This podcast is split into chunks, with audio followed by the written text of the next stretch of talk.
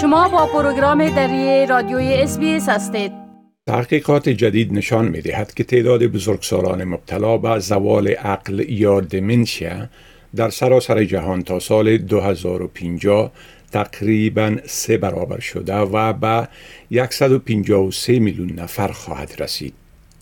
حوادث زوال عقل در هر کشور افزایش می یابد اگرچه انتظار می رود بیشترین رشد در شمال افریقا و شرق میانه باشد و کمترین افزایش برای آسیا و پسیفیک و غرب اروپا پیش بینی می شود متخصصین در استرالیا خواستار افزایش برنامه های مقابله با خطر ناشی از شیوه زندگی در رابطه با ابتلا به این بیماری و کمک بیشتر برای راه اندازی تحقیقات در مورد درمان آن هستند.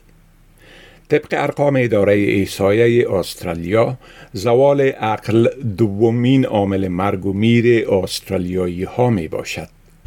زوال عقل باعث خراب شدن قدرت درک و شناسایی بیماران به پیمانه بیشتر از اثرات طبیعی پیری می شود و اکنون تخمین می شود که این بیماری در سال 2019 در سراسر جهان با قیمت اجتماعی یک هشاری هشت تریلیون دلار تمام شد. یک مطالعه که نتایج آن در مجله صحت عامه لنست نشر شده برای اولین بار از برآوردهای جامعه هر کشور برای پیشبینی شیوع زوال عقل در افراد بالای 40 سال در 195 کشور استفاده کرده است. این مطالعه اثرات بالقوه روند قرار گرفتن در معرض عوامل شناخته شده خطر زوال عقل را در نظر گرفته.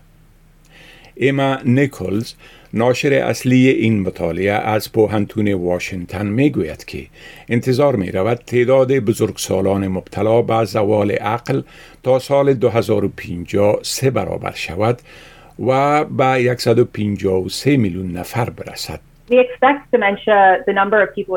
ما انتظار داریم که شمار مردم مبتلا به زوال عقل در هر کشور در سطح جهان صرف نظر از منطقه جهان افزایش بیابد. بنان این یک بیماری مهم است که از نظر برنامه ریزی آینده باید مورد غور قرار بگیرد. مهم نیست در چی جای به سر می‌برید صرف میزان این افزایش فرق می کند طور مثال در ژاپن که پیری نفوس در آن تا حد زیاد قبلا اتفاق افتاده یا نسبت به بسیاری از کشورهای دیگر پیری نفوس را بیشتر تجربه کرده است.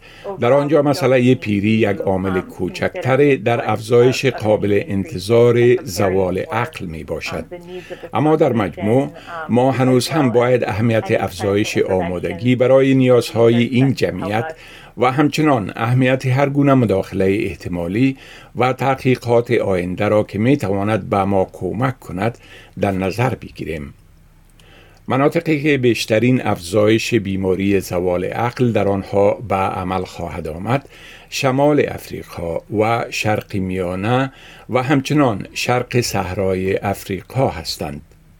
کمترین افزایش برای آسیا و پسیفیک و غرب اروپا پیش بینی می شود.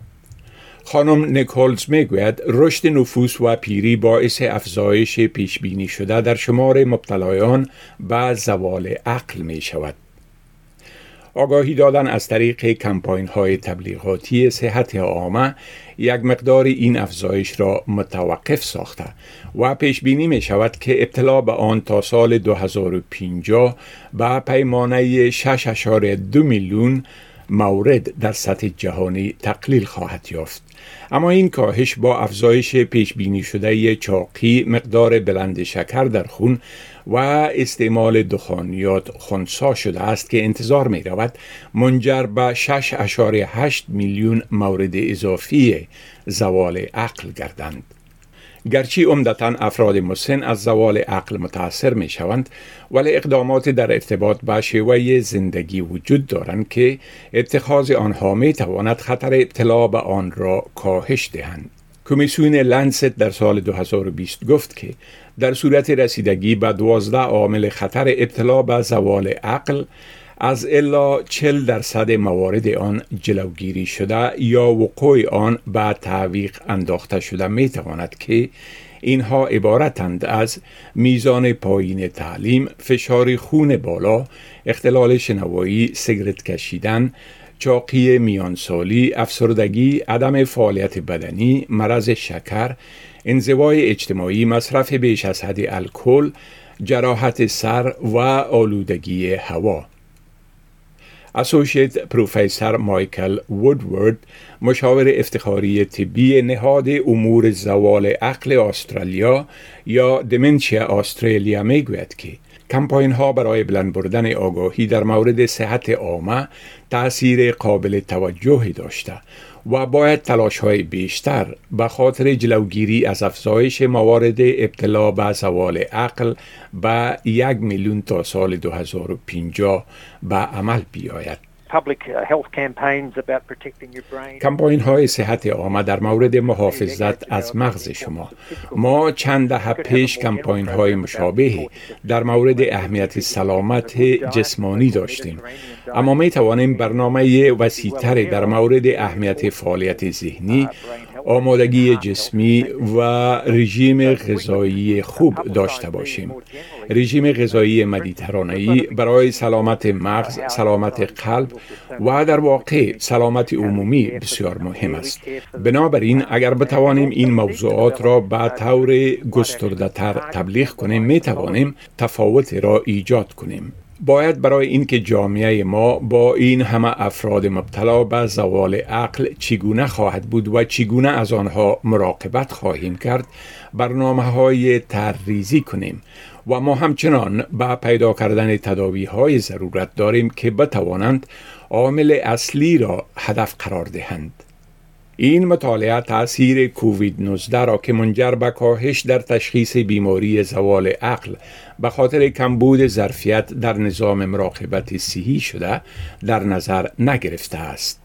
اسوشیت پروفسور وودورد می‌گوید که در حال حاضر در حدود 500 هزار نفر در استرالیا به زوال عقل مبتلا اند اما صرف نیم این تعداد به صورت رسمی و دقیق تشخیص شده اند. گزارش را که شنیدید با کمک بی و کون از اس بی اس نیوز تهیه شده بود. بپسندید شریک سازید و نظر دهید. SBS دری را در فیسبوک تعقیب کنید.